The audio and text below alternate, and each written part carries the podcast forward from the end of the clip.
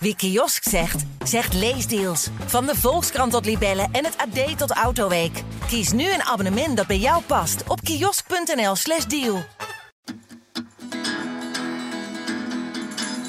Welkom bij Culturele Bagage, de wekelijkse cultuur- en tijdsgeestpodcast van de Volkskrant.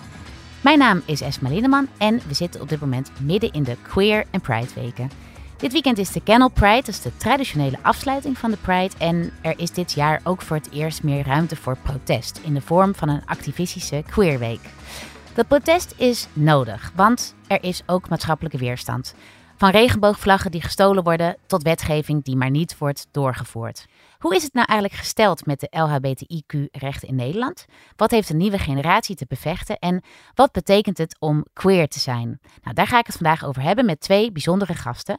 Uh, de eerste is schrijver Valentijn Hogekamp, um, non-binair, toch? Inderdaad. En jij schreef vorig jaar een persoonlijk essay over jouw coming of gender, getiteld uh, Antiboy. Het boek werd superlovend ontvangen. Er kwam ook een hele mooie uh, podcast uit voort. Die moet iedereen luisteren onder dezelfde naam, Antiboy. En jouw boek wordt ook vertaald in Engeland, Amerika en India, begreep ik, vanaf ja. 2024. Door Michelle Hutchinson wordt het nu vertaald. En dan komt het in 2024 in alle drie die landen uit. En ik wil naar alle drie die boekpresentaties. Ja, echt waanzinnig. Super gefeliciteerd. En naast mij zit Maud Wiemeijer. Jij uh, bent vooral bekend vanwege het scenario dat je schreef voor de hitserie uh, Anne Plus. Uh, en jij schittert op dit moment ook op de pagina's van de Volkskrant met een column met de titel Het bijzondere om tussen twee haakjes interessante leven van queer millennials. Welkom Mout. Dankjewel. En tenslotte ook uh, Chris Buur, onze adjunct van de Volkskrant, die ondertussen uh, ook bezig is met een boek over mannelijke ja. homoseksualiteit. Zeg ja, dat goed? En wat dat is. En wat daarover bekend is. Wat is dat? Ja, ja, ja. maar ik begin even met jou Mout, want jij, uh, nou, jij schrijft dus voor ons columns. Dat zijn eigenlijk hele grappige, snedige en soms super ontroerende dialoogjes. Um, nogmaals met als titel dus het oninteressante leven of interessante leven van queer millennials. Wat, wat is in jouw ogen een queer millennial? Um, een queer millennial, dat ben ik. Ik denk dat het een beetje dodende zielen zijn die in een tijd uit de kast zijn gekomen waar het allemaal iets, misschien iets meer zwart-wit voelde. Die zich nu moeten of gaan verhouden tot een soort van nieuwe... Uh, nieuwe manieren van queer zijn, nieuwe relatievormen, um, dat soort dingen. En dat, daar gaat mijn werk heel erg over, over dat zoekende. Ja. Uh, en daarom vond ik het ook interessant om daar die dialoog over te schrijven. Is dan millennial bijvoorbeeld weer anders ten opzichte van Gen Z, die er dan weer net iets onder zit? Ja, zeker. Dat is een hele andere generatie ja. die ik ook razend interessant vind. Ja. Die ook weer veel opener en verder lijken te zijn dan, dan ik. Ik bedoel, ik heb zelf ook nog heel veel te leren.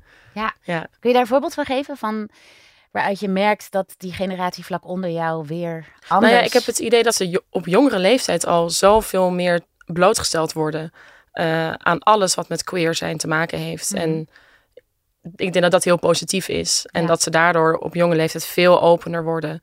Um, veel minder misschien weerstand voelen voor uh, trans mensen, queer mensen op de middelbare school al. En dat had ik echt niet. Ook al zat ik in Amsterdam op school, durfde ik niet uit de kast te komen. Vond ik het, wist ik het nog allemaal niet zo goed.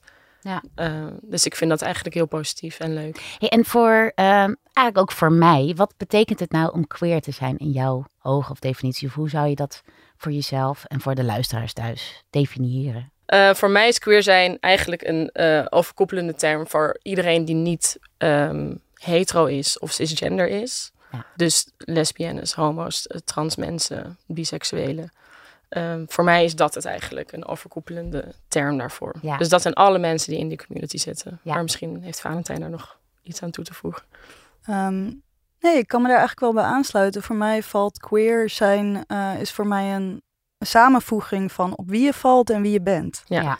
Precies. Dus je bent queer in, in wie je lief hebt, maar ook in als wie je in bed stapt. Oké, okay, nou, uh, super helder voor mij.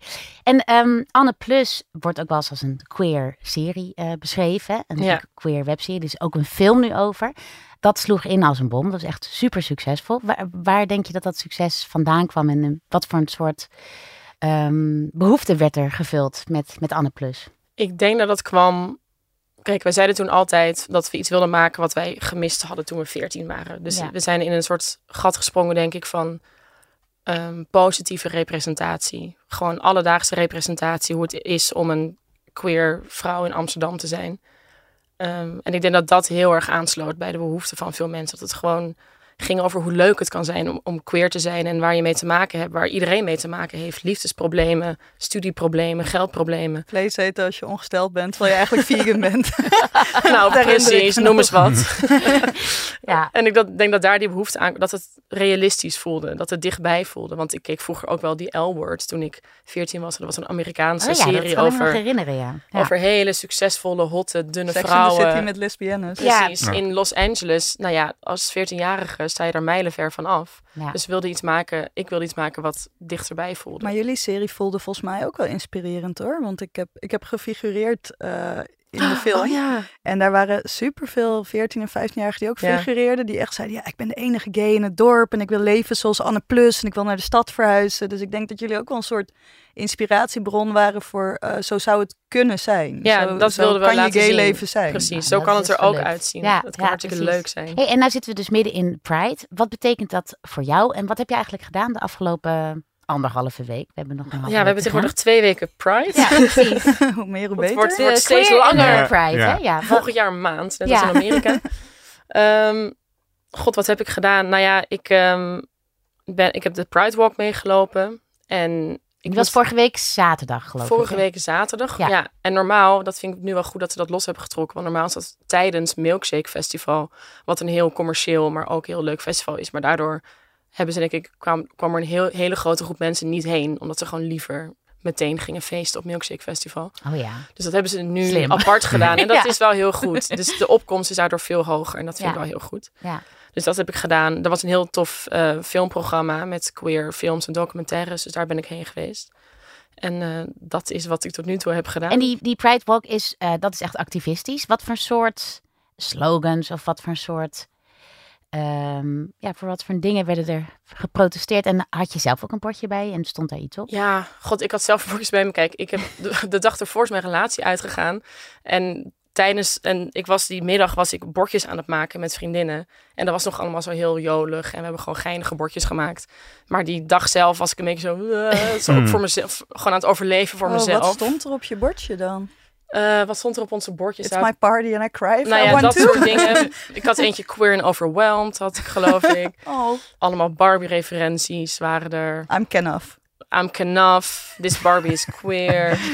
Het was allemaal een stuk minder activistisch dan ik had gewild, maar dat is wat het is geworden. Ja. Maar wat voor dingen zag je nog meer voorbij komen? Nou Nou ja, liefdesverdriet. nou ja, Ja. ja. wel veel verschillende dingen. Kijk, ik liep een beetje in een doodstuk, moet ik zeggen, van de queer walk.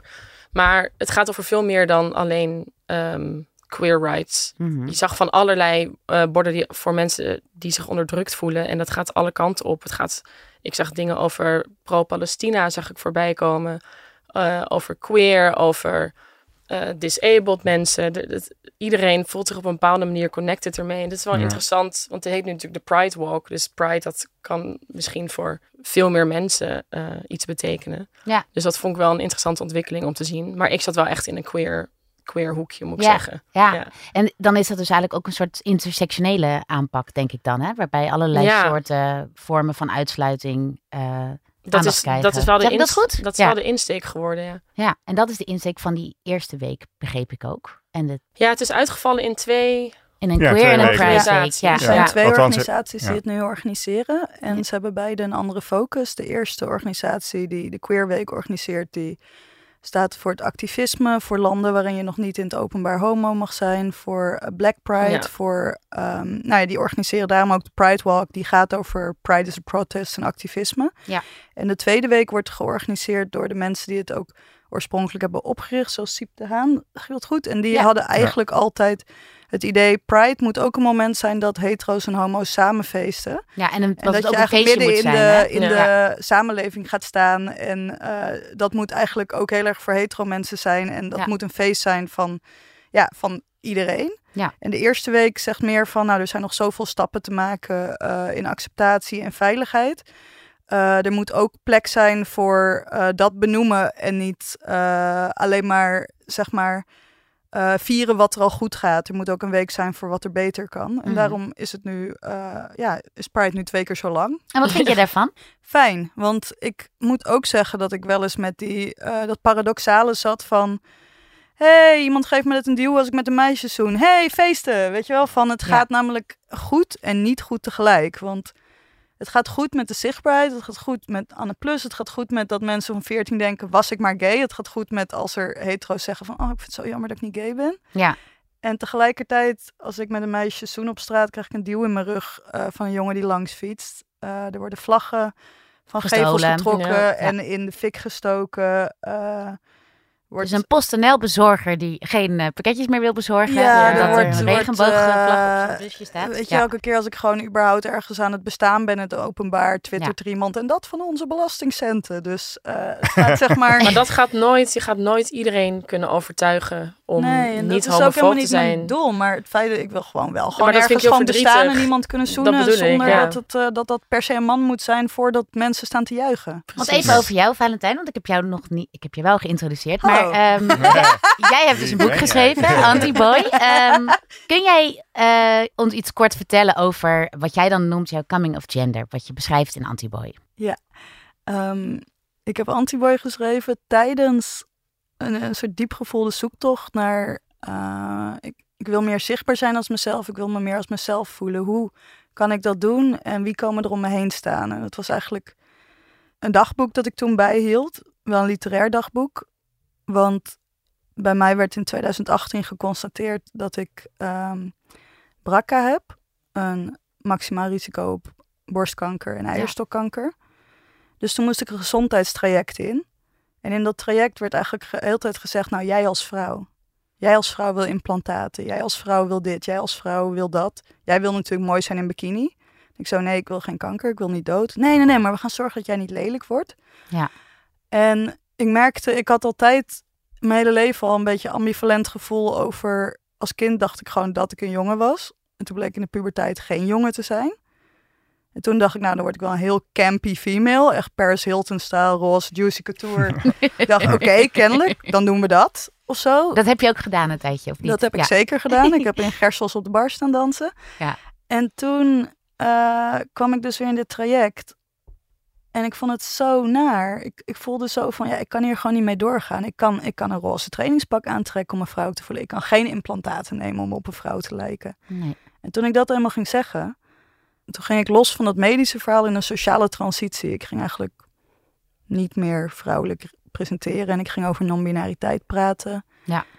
Maar ja, toen ging wel mijn relatie uit en ook veel vrienden hadden er moeite mee. En toen heb ik, zat ik een jaar in mijn eentje thuis. Dan haalde ik elke dag patat en toen heb ik Antiboy geschreven. In die periode echt. Ik vond het ook wel mijn Ja. flop era. Maar Ja. ik, echt, ik stop, stond echt op om dat boek te schrijven. Dus ik heb daar zoveel aan gehad. Ja. Ja. Eh, jij, hebt je ook, eh, jij bent geïnterviewd in het Volkskrant Magazine en daar ehm, eh, zeg je, ehm, ik heb lang geworsteld tot ik de conclusie kwam dat ik niks meer te verliezen had. En het vreemde is, sinds ik open probeer te praten over mijn gender, kom ik in allerlei gesprekken terecht waarin ik mensen moet bewijzen dat het bestaat, dat ik geen leugenaar ben, dat non-binariteit niet gewoon een diep gevoeld ongemak is bij de vrouwenrol. Ehm, dat vond ik mooi gezegd. Wat bedoelde je daarmee? En, en heb jij nog steeds dit soort gesprekken? Ehm, ik merk dat ik een soort rode lap ben voor tweede golf feministen. Die met mij over ongemak in de vrouwenrol willen praten. Mhm. En eh, eigenlijk is non-binariteit al eeuwen oud. Het is supergoed gedocumenteerd. Er zijn altijd mensen geweest die zich niet goed voelden in die tweedeling. En in dat betreft loopt Nederland eigenlijk een beetje achter. Want sinds 2018 erkennen wij pas non-binariteit met een X in het paspoort. Terwijl er in Indonesië vijf genderidentiteiten zijn. In Mexico is dat zo. Op Hawaii is dat zo. In India heb je een soort heilige kasten van trans eh, spirituele vrouwen. Ja. En In Daardoor- Canada heb je de two-spirited people. Precies. Dus Ja. elke keer als iemand mij komt behandelen als symptoom van de tijdsgeest, denk ik altijd van, nou ja, als je, dat is gewoon niet waar. Maar het is in onze cultuur ehm, iets wat niet zoveel voorkomt. En je ziet ook in al deze culturen die ik net noemde, dat bijvoorbeeld in Hawaii was dit eeuwen na, eeuwenlang een ding. Tot de Engelsen daar kwamen en die hebben dat eigenlijk, die hebben de twee geslachten ingevoerd. Ja. De westerse weerstand. Ja, de westerse weerstand tegen eh, niet een tweedeling kunnen maken. Niet kunnen zeggen zwart-wit, goed of fout, man of vrouw. Ja. Dus ik vind die gesprekken trouwens wel ook daarmee heel interessant. Want ik wil wel begrijpen waarom eh, sommige mensen hier ook zo moeite mee hebben. En ik sta ook altijd wel open voor dat gesprek als het gewoon op een fijne eh, wederzijdse manier gevoerd wordt. En waar gaat voor jou deze Pride over? Of waar zou die over moeten gaan? Voor mij gaat deze Pride over dat ik super blij ben. Eh, want ik weet nog, de, wat ik net zei, 2022 noem ik altijd mijn flop era. Toen was ik dan net uit de kast, maar ik durfde dus niet naar buiten. Dus dan zie je Pride op je Instagram en dan zie je, zie je moutfeest bij het straatfeest van het mandje. En dan denk ik zo, oh mijn god, ik durf niet naar buiten. En toen heb ik eigenlijk, ben ik op een gegeven moment, toen ik wel weer naar buiten durfde, heel veel naar de strut gegaan. Heel veel leuke mensen ontmoet kerst mee gevierd. Ik heb deze zondag mijn eerste gay brunch gehost. Toen zijn we met z'n allen dronken naar Milkshake gegaan. En dit jaar ga ik gewoon vrijdag naar het mandje. Ga jij Yes, ook? ik ben erbij. En ik vind, het is zo snel gegaan in die warmte, in die omhelzing. En mensen die ook snappen hoe het is om eenzaam te zijn of je voor jezelf te schamen. Die zeggen, kom erbij, kom erbij. Ja. En ik heb nu echt een hele lieve, wholesome, trutte groep Ja. om me heen. Dus Pride gaat dit jaar voor mij voor over, oh, hier zijn ze, hier zijn de andere gay mensen. Ja. Dat is ook echt volgens mij wel een ding in de community dat het echt gaat om fysieke ontmoetingsplekken of zo. Ja. Dat is zo belangrijk. Daarom is er in de pandemie zijn er zoveel eh, queer mensen denk ik depressief Ik geworden. en die figureren in konden- jouw film om andere queers te ontmoeten. Precies. Letterlijk. Ja, Ik dacht, maar nou, dat was ik het enige wat aan de hand was in de community. Ja. en de trut kon niet open. En dat is van iedereen die ik ken, is dat zo'n belangrijke plek Ja. geweest. Ik heb ook een vriendin die nu pas eh, rond haar dertigste erachter is gekomen dat ze op vrouwen valt. En voor het eerst naar de trut ging. En zei, ik moest gewoon huilen bijna Nou, toen ik naar binnenkwam. Ja. Ja. Dat het na zoveel jaar nog steeds zo'n plek is. Ja. Hoe was het voor jou, Chris? De Eh, trut? ben, je, ben je veel naar de trut geweest? Zeker Of, wel, eh, ja, ja, ja, zeker. Dan hebben we het eh, de 19, 1988, 3, 94, zoiets. En toen bestond het ook al een hele tijd. Ja. Het toen net Eh, gekraakt of was het toen al een Nee, tijdje? het was wel al een tijdje gekraakt. Ja. Maar het, ja, ik weet niet hoe dat nu zit. Want het is nu nog steeds een Zit ook. Tetterode is volgens Tetterode, mij nu van, eh, van de, mensen, de mensen die Ja, ja, ja, hebben, exact. Nou, ik ken nog wel mensen die pand dat inderdaad, die daar nog op een soort kraakbasis in zaten. Maar en ehm, wanneer ben jij voor het eerst naar de Pride geweest? Eh, hij bestaat nu 25 jaar volgens mij. Ik was niet zo Ja. heel erg priderig, moet ik Nee. eerlijk zeggen. Want ik ben activistisch gezien een enorme lapswans. En eh, het heeft bij mij ook echt wel tientallen jaren geduurd voordat ik eigenlijk snapte wat... Nou, en eigenlijk snap ik het nog steeds niet. Want ik denk dat het grote probleem van de Pride was... dat het eigenlijk toch niet... dat het heel lang gewoon niet heel erg duidelijk was van... wat doen we daar nou eigenlijk? We staan op een boot. Dat was eigenlijk vooral het voornaamste zichtbare. Eh, staan ontzettend onszelf te zijn. En tegelijkertijd heel erg een cliché van homoseksualiteit te zijn. Waar je je ook maar in thuis moet voelen of niet. Ja. Wat hoe ook heel ziet dat cliché er dan uit? Hoe zagen jullie er dan Nou, uit? op talloze vrienden. Kijk, vroeger was het ook volgens mij echt best wel een scene ding. Dus waren de bootjes vooral de leerhomo's, de, de, de drag queens, eh, de, de reality boat met de, met de Caribische homo's erop. Dus het was een soort van, het was niet zozeer emancipatoire als wel gewoon laten zien wie we zijn. En Ja. dat we er zijn. En wat heel goed was op zich, eh, want dat was een beetje die fase van eh, gay emancipation. Namelijk gewoon, hou van ons, vind ons leuk. Kijk, we bestaan en we zijn eigenlijk super vrolijk en leuk en feest met ons. Ja. Maar de- tegelijkertijd, ja, als je, als je denkt, ja, maar ik ben helemaal geen sportschoolhomo of leerhomo of wat dan ook. Ja, wat, ja, wat, wat, ja, wat, moet, wat moet ik hiermee? ja, want jullie hebben het heel duidelijk over een community of een gemeenschap. Eh, Heb jij dat gevoel gehad dat je onderdeel was van een gemeenschap? Ja, ja, nee. Ja. Zeker, zeker als je ook, ik ook uit een soort milde provincie komt en dan in Amsterdam komt en dan eindelijk denkt, hey, yes, nou eh, oké, we duiken erin. Dat, dat is heel erg fijn. En dan zie je ook wel overeenkomsten, wat op een manier ook altijd heel ontroerend is. Want het is toch een beetje alsof ineens allemaal mensen uit putdeksels komen van, oh, jij ook? Ik had er- Ja, dat, ik had dat er- had ik dus ook. Ja. Ik ben echt zo welkom. Nou, ik had- Steeds ik meer had- mensen krijgen gay. Ik, mijn- beste vriend van de middelbare school, die ik nog steeds, waar ik nog steeds zo goed mee bevriend ben. Maar die, die op de middelbare school wist ik eigenlijk niet per se zeker dat hij ook gay was. We zijn nog echt op een vakantie, op onze, om onze middelbare school, zeg maar, eindexamenvakantie geweest. Zonder van elkaar te weten dat we gay waren. En dat Ja. kwam dan later pas een beetje aan de orde. Nee. Oh. nee. Dat hoeft ook Nee, niet meteen, kan. hè? Nee, Hey, ik was benieuwd. Ik dacht zo een beste broeierige vrienden had ik- vakantie. Had ik, totaal geen broeierigheid mee. Wat ook wel... eh, wat Ja, ja, ja. ja, Maar ja. goed. eh, En hoe heb je die Pride zien evolueren? Of wat? Ik vind het goed dat nu, door, doordat die, de, zeg maar de activistische groep zichzelf eraan toe heeft weten te voegen, wat, wat best een knappe prestatie is, ehm, vind ik dat het een beetje, eh, nou, nou, eindelijk een beetje op zijn plaats valt. Namelijk dat er een activistische kant en een feestkant aan. Er zit nog steeds een hou van ons kant aan en dat je het samen kan vieren uh, dat iedereen vanzelfsprekend gevonden zou moeten worden. Uh, en tegelijkertijd is er nog heel veel te bevechten. En dus ik vind het nu gewoon duidelijker, nu het een wat completer evenement is. Hey, en jij zegt te bevechten. Um, en ik noemde in het begin ook dat er dat ik bemerk dat er ook wat ja, een soort weerstand is. Hoe kijk jij ja. daarnaar? Waar zijn we nu eigenlijk op dit moment in die emancipatie? Nou, ik heb niet het idee dat er een soort backlash is of dat het erger is want ik ben nooit zo onder de indruk geweest, zeg maar, hoe het in de tussentijd, hoe, men, hoe mensen over het algemeen naar homoseksualiteit keken. Het, was niet dat dat, dat dat op een bepaald tijdstip in de mainstream nou veel beter is geweest. Alleen het is nu wel zichtbaarder. En ik denk toch dat dat voornamelijk komt uh, doordat er uh, meer, meer en beter activisme is. Mm -hmm. die, die natuurlijk ook weerstand oproept. dat is nu helemaal zo. Dat leert de geschiedenis. Dus dat vind ik ook in die zin wel hoopvol. En tegelijkertijd is het zo vermoeiend dat het allemaal zo langzaam gaat. En dat vooral de. Het is toch het laatste stuk homo-emancipatie, of queer-emancipatie, denk ik. Maar dat is een heel hardnekkig en vervelend en moeilijk stukje. Want het gaat nu om gelijkwaardigheid. Ja. En het, het, recht op vanzelfsprekendheid. En dat vinden mensen super moeilijk. En het is tegelijkertijd ook een heel ander type stap die je maakt van, nou oké, we zijn het erover eens, stop jullie niet in de gaskamers. Misschien is het niet meer zo'n goed idee dat jullie massaal in elkaar slaan. Uh, maar ja, daar moeten we dan maar tevreden mee zijn. Van, nou, gelukkig maar. maar we worden maar geaccepteerd. Het recht van zelfsprekendheid, dat ja. zeg je echt super mooi. Ja. Want ik denk dat dat... Uh, ik maak dus echt heel vaak deze grap. Het wordt nu ook wel een beetje belegen, maar ik maak deze grap net ook. Dat ik dus tegen hetero's zeg van, oh, oh jij bent hetero. Ja. Oh, maar dat vind ik niet erg, hè? Ja. Vind ik moedig.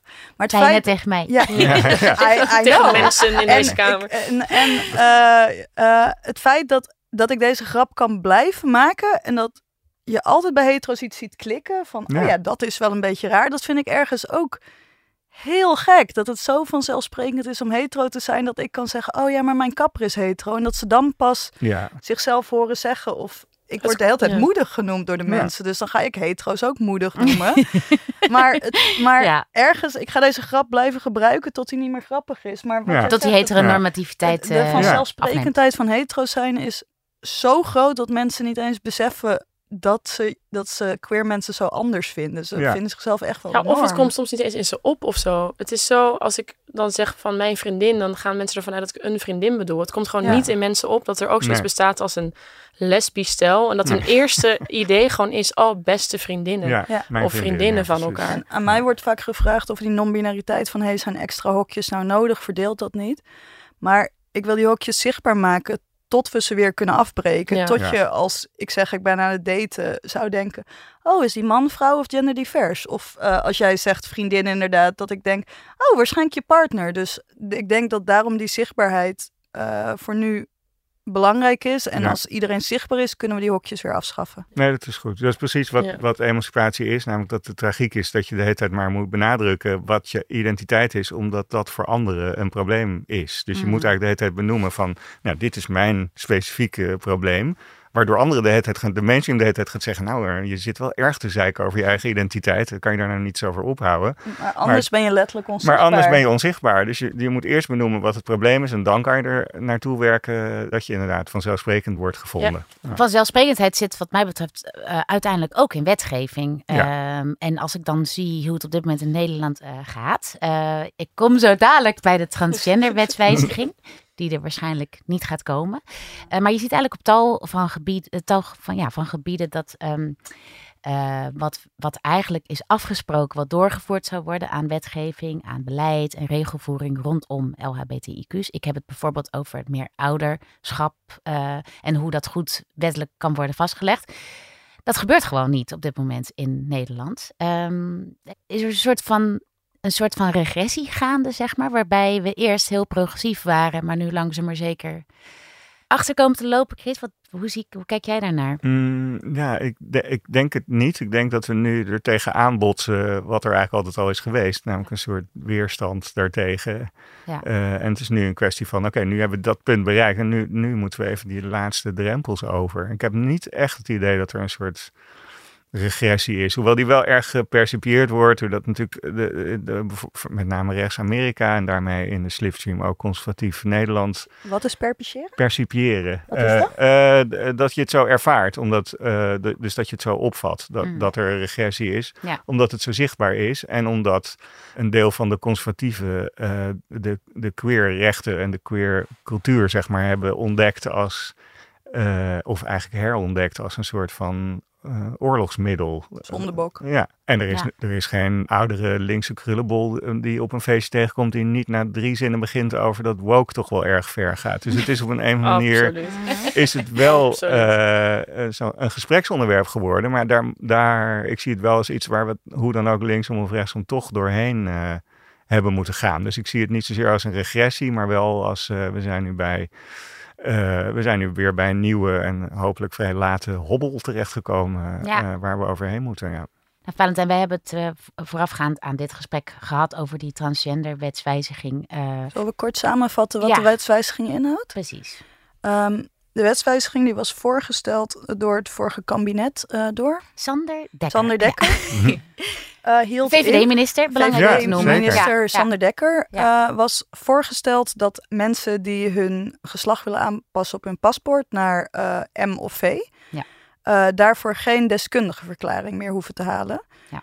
Want ehm, dat gaat in tegen het zelfbeschikkingsrecht. En die deskundige verklaring bestond uit één gesprek met een psycholoog, 250 euro betalen. En dan ehm, kreeg je een deskundige verklaring en dan mocht je in je geboorteplek je geboorteakte laten aanpassen. Ja. En het tweede deel van deze wet was dat mensen onder de 16 ook toegang kregen tot deze eh, paspoortaanpassing. Eh, wel onder toezicht van hun ouders, maar dat dat mogelijk werd voor jongere mensen. Ja. Dus het ging om een juridische aanpassing. Voordat het debat kei vervuild raakte. Toen ging het niet langer over een juridische aanpassing. Ja, want het is wel goed om even ook te benoemen Goed, dat deze wetswijziging eigenlijk een soort hamerstuk was. Eh, iedereen was het er gewoon over eens van, nou, dit moet gewoon worden gewijzigd. Het is Mhm. in het belang van ook, Dit kost mensen geld, wat, eh, Ja. wat eigenlijk een soort discriminatie is. Dit is op Ja. een bepaalde manier gaat het tegen zelfbeschikking in. Ja. Het was voor mensen boven de 18 gewoon iets wat ze dan zelf mochten beslissen. Ja. En toen, ja, wat gebeurde er toen? Eh, want nu komt deze wet er waarschijnlijk, of deze wijziging er niet doorheen. nee, want toen eh, werd het een mediadebat. ehm, wat ik dus inderdaad een vervuild debat noem. Toen gingen mensen ineens kamervragen stellen van ChristenUnie en de VVD zelf ook. Wat Mhm. vreemd was, want het was een eh, initiatief van hen. Ja. Toen ging het over, ja, maar dan kunnen kinderen in medische transitie gaan zonder dat hun ouders het weten. Ja, maar dan kunnen verkrachters wc's binnen met hun paspoort. Want je laat altijd je paspoort zien voordat je een wc ingaat. Want dat, dat, Ja, dat gebruik is, eh, dat, dat ken ik. Eh, toen werd het dus ja, eigenlijk gewoon zieltjes winnen op hoe woke zijn wij wel of niet en waar zijn we tegen. En het ging niet langer over een juridisch ding. Terwijl Ja. op dagelijkse basis, als ik me gewoon veilig en vrij wil voelen, dan wil ik niet bij elk pakketje dat ik aanneem waarvoor ik mijn paspoort moet laten zien, al vragen krijgen van een of andere wildsvreemde die eventueel ook negatief er tegenover kan staan en die jou boos op jou kan worden. Ja. Eh, en voor de kinderen onder de 16, heel veel van die kinderen in overleg met hun ouders leven bijvoorbeeld al in sociale transitie in een Ja. ander geslacht. En worden eigenlijk gedwongen dan bijvoorbeeld op school. Om, voor een coming out, Ja. omdat Ja. toch, het toch op hun paspoort staat. En dan kunnen ze niet ongemerkt in transitie gaan en dus eigenlijk soms sociaal veel beter geaccepteerd worden. Ja. Dus het idee was dat er mensen veiliger zouden worden en zelfbeschikking zouden krijgen. Maar toen werd er gewoon met heel veel misinformatie een ander verhaal van gemaakt. En toen ging het ineens over of je wel of niet eh, ja, die transitie, medische transitie in gang zou kunnen zetten door een letter op je paspoort te veranderen. Ja, nou, dit is een hele ingewikkelde discussie, is ervan gemaakt eigenlijk ook. Eh, maar Ja. jij had het over de media. Eh, vind jij dat, dat de media hier een rol in hebben gespeeld? Ehm, nou, het is altijd lastig, want ik doe dus ook onderzoek naar ou- ja, middeleeuwse bronnen, oude bronnen naar trans, transheiligen. Het transdebat van alle tijden. In de middeleeuwen vonden mensen dit ook al vet interessant. Toen waren ze de tijd met elkaar aan het pennen of Adam en Eva nou trans waren of niet. Eh, Ja? ja, dit is, eh, want het was, was, was eh, in de 13e eeuw werden er voor het eerst genderbevestigende operaties uitgevoerd waarbij mensen in leven konden blijven. Ja. En toen dat wetenschappelijk mogelijk werd, werd ons denken dus ook mogelijk van wacht. Maar Eva die uit Adam kwam, was dat eigenlijk een genderbevestigende operatie? Dat was Ja. toen het transdebat. Ja?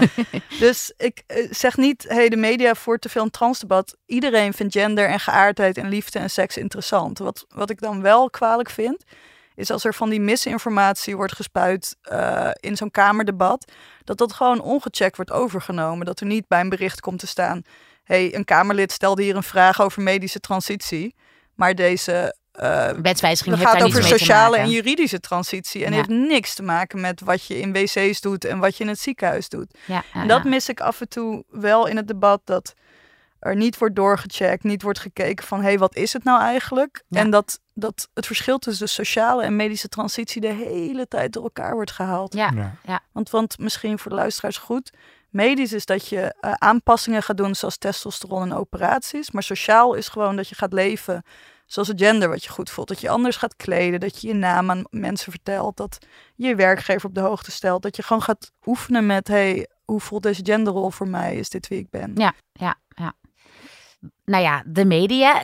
Chris, eh, hoe kijk jij aan tegen, nou ja, misschien ook iets breder LHBTIQ-representatie in de media en misschien in onze eigen krant? Nou, eh, om met de transgenderwet te beginnen, denk ik dat, we, dat wij dat als krant te veel aan de eh, opiniepagina's hebben overgelaten. Ja. We hebben een paar goede stukken er wel over gehad. En ook wel notabene in dezelfde krant een vrij raar opiniestuk en een eh, heel goed feitelijk stuk. Waarin eigenlijk alles wat in dat opiniestuk werd ont- ontkracht. Maar dat geeft wel een beetje aan nou ja, dat je er in dit geval het goed was geweest, of misschien nog steeds is, om er wat meer bovenop te zitten. Omdat dit wel eh, een belangrijke kwestie is, waarbij de feitelijkheid eh, en wat weten we dan eigenlijk van. En het voeren van een gezond debat eh, en het vinden van common ground eigenlijk hele belangrijke dingen zijn die je niet, eh, die je niet aan de socials kan overlaten, zeg maar. Ja. Waar, waar je als krant een rol eh, eh, te spelen hebt. Ehm, en grappig genoeg, maar dat kwam eigenlijk ineens weer toen we het er een paar dagen geleden over hadden, constateerden we ook dat de kwaliteitsjournalistiek eh, best wel net een cis-hetero bolwerk is. Ja, wat, eh, ja. wat ik me nooit zo realiseer, want het voelt wel eh, natuurlijk als een hele veilige omgeving, anders dan het voetbal of zo, weet ik veel. Maar toch is dat zo. En dat betekent, net als op andere vormen van diversiteit, dat je misschien niet altijd je antennes ja, scherp er genoeg hebt afgesteld. Ja, En Dus dat is ook wel iets waar we nog echt wel aan moeten werken. En eh, ik denk dat dat, eh, nou ja, buiten de Volkskrant voor heel veel andere media natuurlijk ook geldt. Ja. Eh, even, even ons beperkend eigenlijk ook gewoon überhaupt tot de kwaliteitsjournalistiek of, de, of journalistiek die je enigszins serieus kan nemen. Eh, die hebben daar wel een rol in te vervullen die Ja. nog niet goed vervuld wordt. Hoe, hoe kijk jij daar naar, Mouts, naar, naar representatie van LHBTIQ in de media? En wat, hoe Ja. zie jij jouw eigen rol daar ook in? Nou ja, voor mij is de media natuurlijk ook film, Ja, televisie, precies. eh, dat soort dingen. En wij hebben Anne Plus gemaakt in een tijd dat het nog vrij weinig aan de hand was.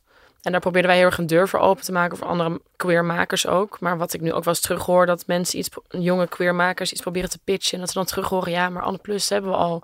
En Ja. dat is juist het averechtse wat we daarvan wilden. We proberen zo erg juist een soort van deur opzetten van... nu kunnen we meer van dit soort dingen maken. Want Ja. eh, het, je ziet dat het succesvol kan zijn. Ja. En het gebeurt ook wel meer.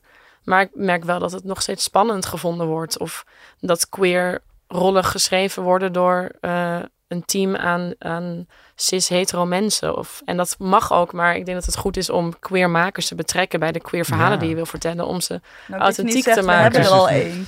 En Dat ook niet dat je zegt, zegt, we, "Oh, hebben er al Plus één. al, we hebben al één, want je hebt ook 50 hetero-series, Ja. toch?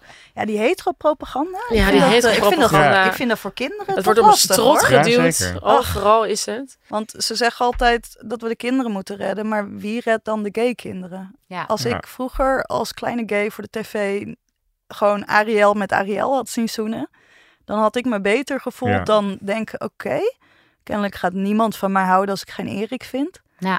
Dus daar denk ik altijd aan als mensen zeggen van, eh, ja, moeten we kinderen hier aan blootstellen?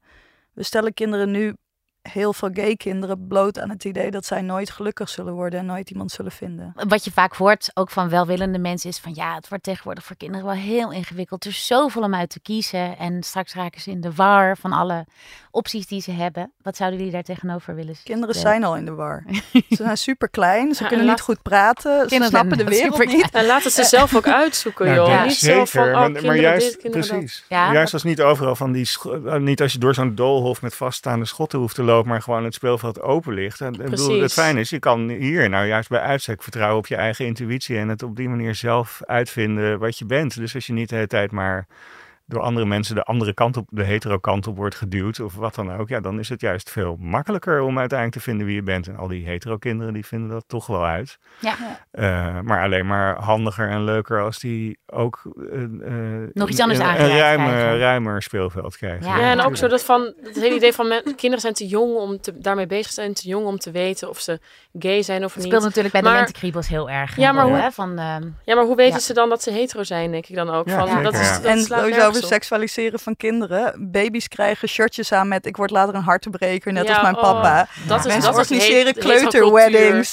Ja. Dus Ja. ik denk dat dat, dat eh, ik, wil, ik vind dat kinderen niet te jong aan seks moeten worden blootgesteld, maar ze worden wel al heel jong aan liefde en aan relatievormen blootgesteld en familievormen. en aan normen over gender, toch? Ja, en dan ben ik Ja. bijvoorbeeld gek op de boeken van Pim Lammers. Die Ja. schrijft gewoon over families, over daten, over liefhebben, over verkering. En dan heb je, heb je al de twee ooms. Of mensen zijn verliefd op een jongen uit een klas, maar ze weten nog niet zeker. Misschien zijn ze ook wel op een meisje. Ik vind dat je relatievormen en kinderen, dat mag je gewoon prima eh, naast elkaar laten bestaan. Deze zaterdag is de, eh de Kennel Pride. Eh, gaan jullie eigenlijk allemaal? Of wie gaat er wel, wie gaat er niet? En wat ga je vieren? Jij Wie- eerst, eh, Wout? wie ik eerst? ja. Nou, ik ga wel, eh, ik ga wel, als Ja. het goed is. Ik heb, ik heb eerst een borrel bij vrienden en dan zien we wel waar we terechtkomen. Maar ik ben afgelopen jaren wel altijd gegaan. En ik begon met gaan toen ik net uit de kast was. En ik het allemaal heel spannend vond en leuk. Dus dat is wel een soort traditie gebleven. Maar ja, het is natuurlijk wel zo dat het steeds ehm, commerciëler wordt allemaal. Het is een soort van business uitje geworden voor bedrijven. Ja. Waar op sommige boten geen queer te bekennen is. En dat is wel lastig. Het is gewoon voor één dag, voor één week is het enorme pinkwashing. En dan is het de dag na Pride is het allemaal weer voorbij. ja. Maar goed, we doen er allemaal aan mee. je staat er toch. En jij, Valentijn? Ik ga op zaterdag altijd eerst naar de markt en dan lekker sporten en dan lekker koken. Eh, dus, en daarna ga ik misschien naar de Kennel Pride. Maar waar ik me eigenlijk het meest op verheug, die avond is een straatfeest bij het Mandje, het oudste lesbische café van Amsterdam. Nederland. Ja, maar het is twee dagen straatfeest, eh, vrijdag en zaterdag. Oh. Een vriendin van mij gaat zaterdag draaien. Dus ik Oh. zet eigenlijk iets meer in op de avond. Aha. Maar mijn sportclub eh, doet wel mee met een boot. Er sporten bij mijn sportclub ook Dat mensen op hoge leuk, hakken en zo. Dus ik vind het wel leuk om wat mensen die ik ken te supporten op boten. Maar ik, ga, ik hou mezelf een beetje vers voor eh, de avond. Ik ga de hele avond... Feest. eh, oh, jij gaat feesten ik in ga het mandje. feesten Ja. bij het mandje. Ga je naar de. Pamela?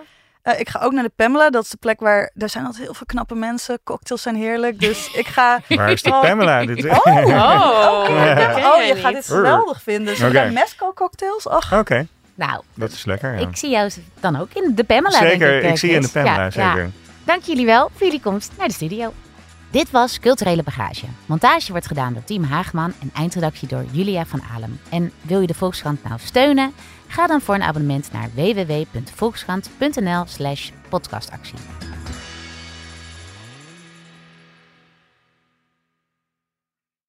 Wie kiosk zegt, zegt leesdeals. Van de Volkskrant tot Libellen en het AD tot Autoweek. Kies nu een abonnement dat bij jou past op kiosk.nl/slash deal.